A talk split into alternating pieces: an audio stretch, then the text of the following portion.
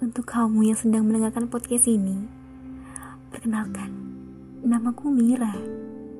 Aku sama seperti kamu yang sedang berjuang tengah pandemi ini untuk terus bertahan dan menyesuaikan dengan keadaan.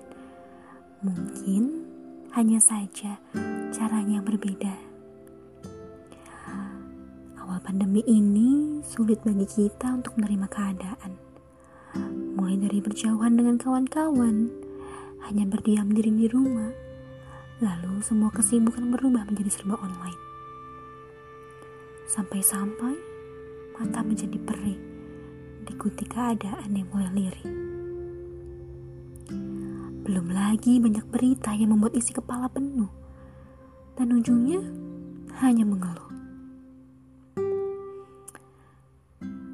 Kadang kita bertanya-tanya, Sampai kapan terus berkawan dengan jenuh? Yang kita lihat hanya pantulan diri depan cermin dan sekat ruangan yang itu-itu saja.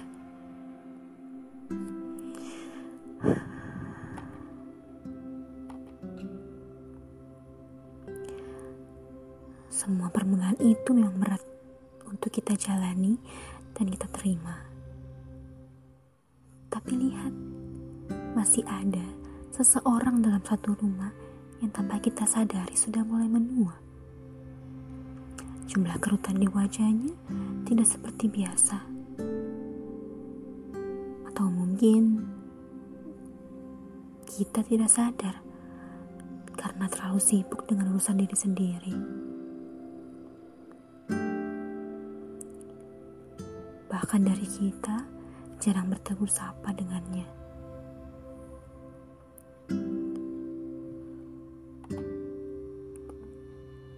Yang perlu kita tahu, kita tidak sendirian.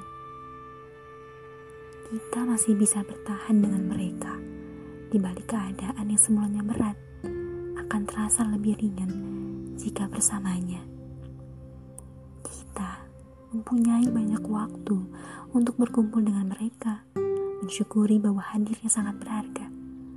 Entah apa yang terjadi besok, selagi masih ada hadirnya, semua akan baik-baik saja. Ternyata pandemi ini kita banyak menemukan sesuatu. Kita jadi lebih dekat dengan orang yang kita sayangi dan ada yang menemukan hobi baru. Ada yang mulai belajar bermain alat musik, ada yang mulai menulis cerita, dan ada yang mulai mengasah suaranya